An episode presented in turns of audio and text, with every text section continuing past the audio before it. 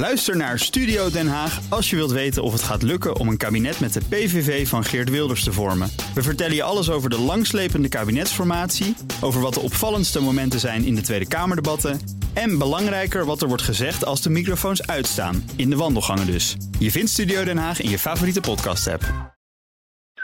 De column van Marianne Zwagerman. Is het erg dat rechtse tv mislukt? Die vraag dringt zich op, getuigen de vele juichartikelen in de kranten na het floppen van Jensen. Als Poont en WNL niet meer leden werven, liggen zij eruit bij de publieke omroep. En dan wordt het wat stil aan de rechterkant van de audiovisuele media.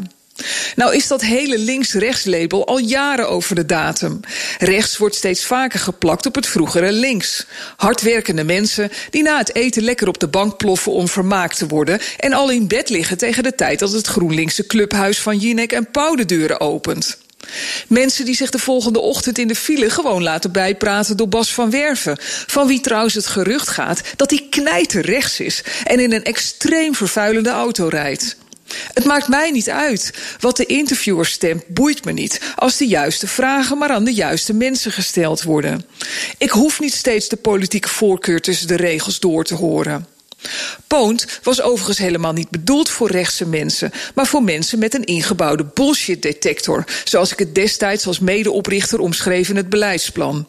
Mensen die dankzij sociale media de hele waarheid zien en niet door het kokertje willen kijken dat de NPO ons voorhoudt. Mensen die met één oog het journaal volgen, met een smartphone in de hand en denken: huh, dat is gek. Agressieve klimaatdramactivisten kunnen voor de neus van de koning in de gracht springen. Waarom liet de beveiliging dat toe? En hoezo was de NOS daar met onderwatercamera's om het in beeld te brengen?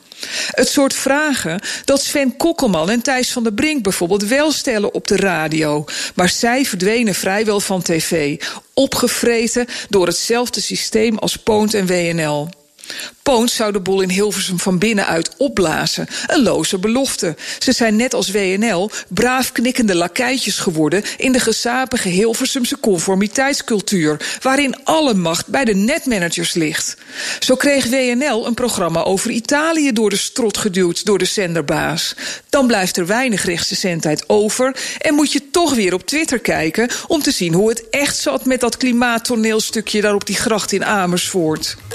En dat is best erg. Zij Marianne Zwageman, onze columnist op dinsdag. En u kunt haar uiteraard terugluisteren met al de columns op bnr.nl in de BNR-app. En kijk er ook eens eventjes rond of u wat leuks kan vinden in onze podcastbibliotheek. BNR ben je altijd als eerste op de hoogte van het laatste nieuws. Luister dagelijks live via internet. Bas van Werven. En heel langzaam komt de zon op rond dit tijdstip. Je krijgt inzicht in de dag die komt op BNR, het Binnenhof in Nederland en de rest van de wereld. De Ochtendspits. Voor de beste start van je werkdag. Blijf scherp en mis niets.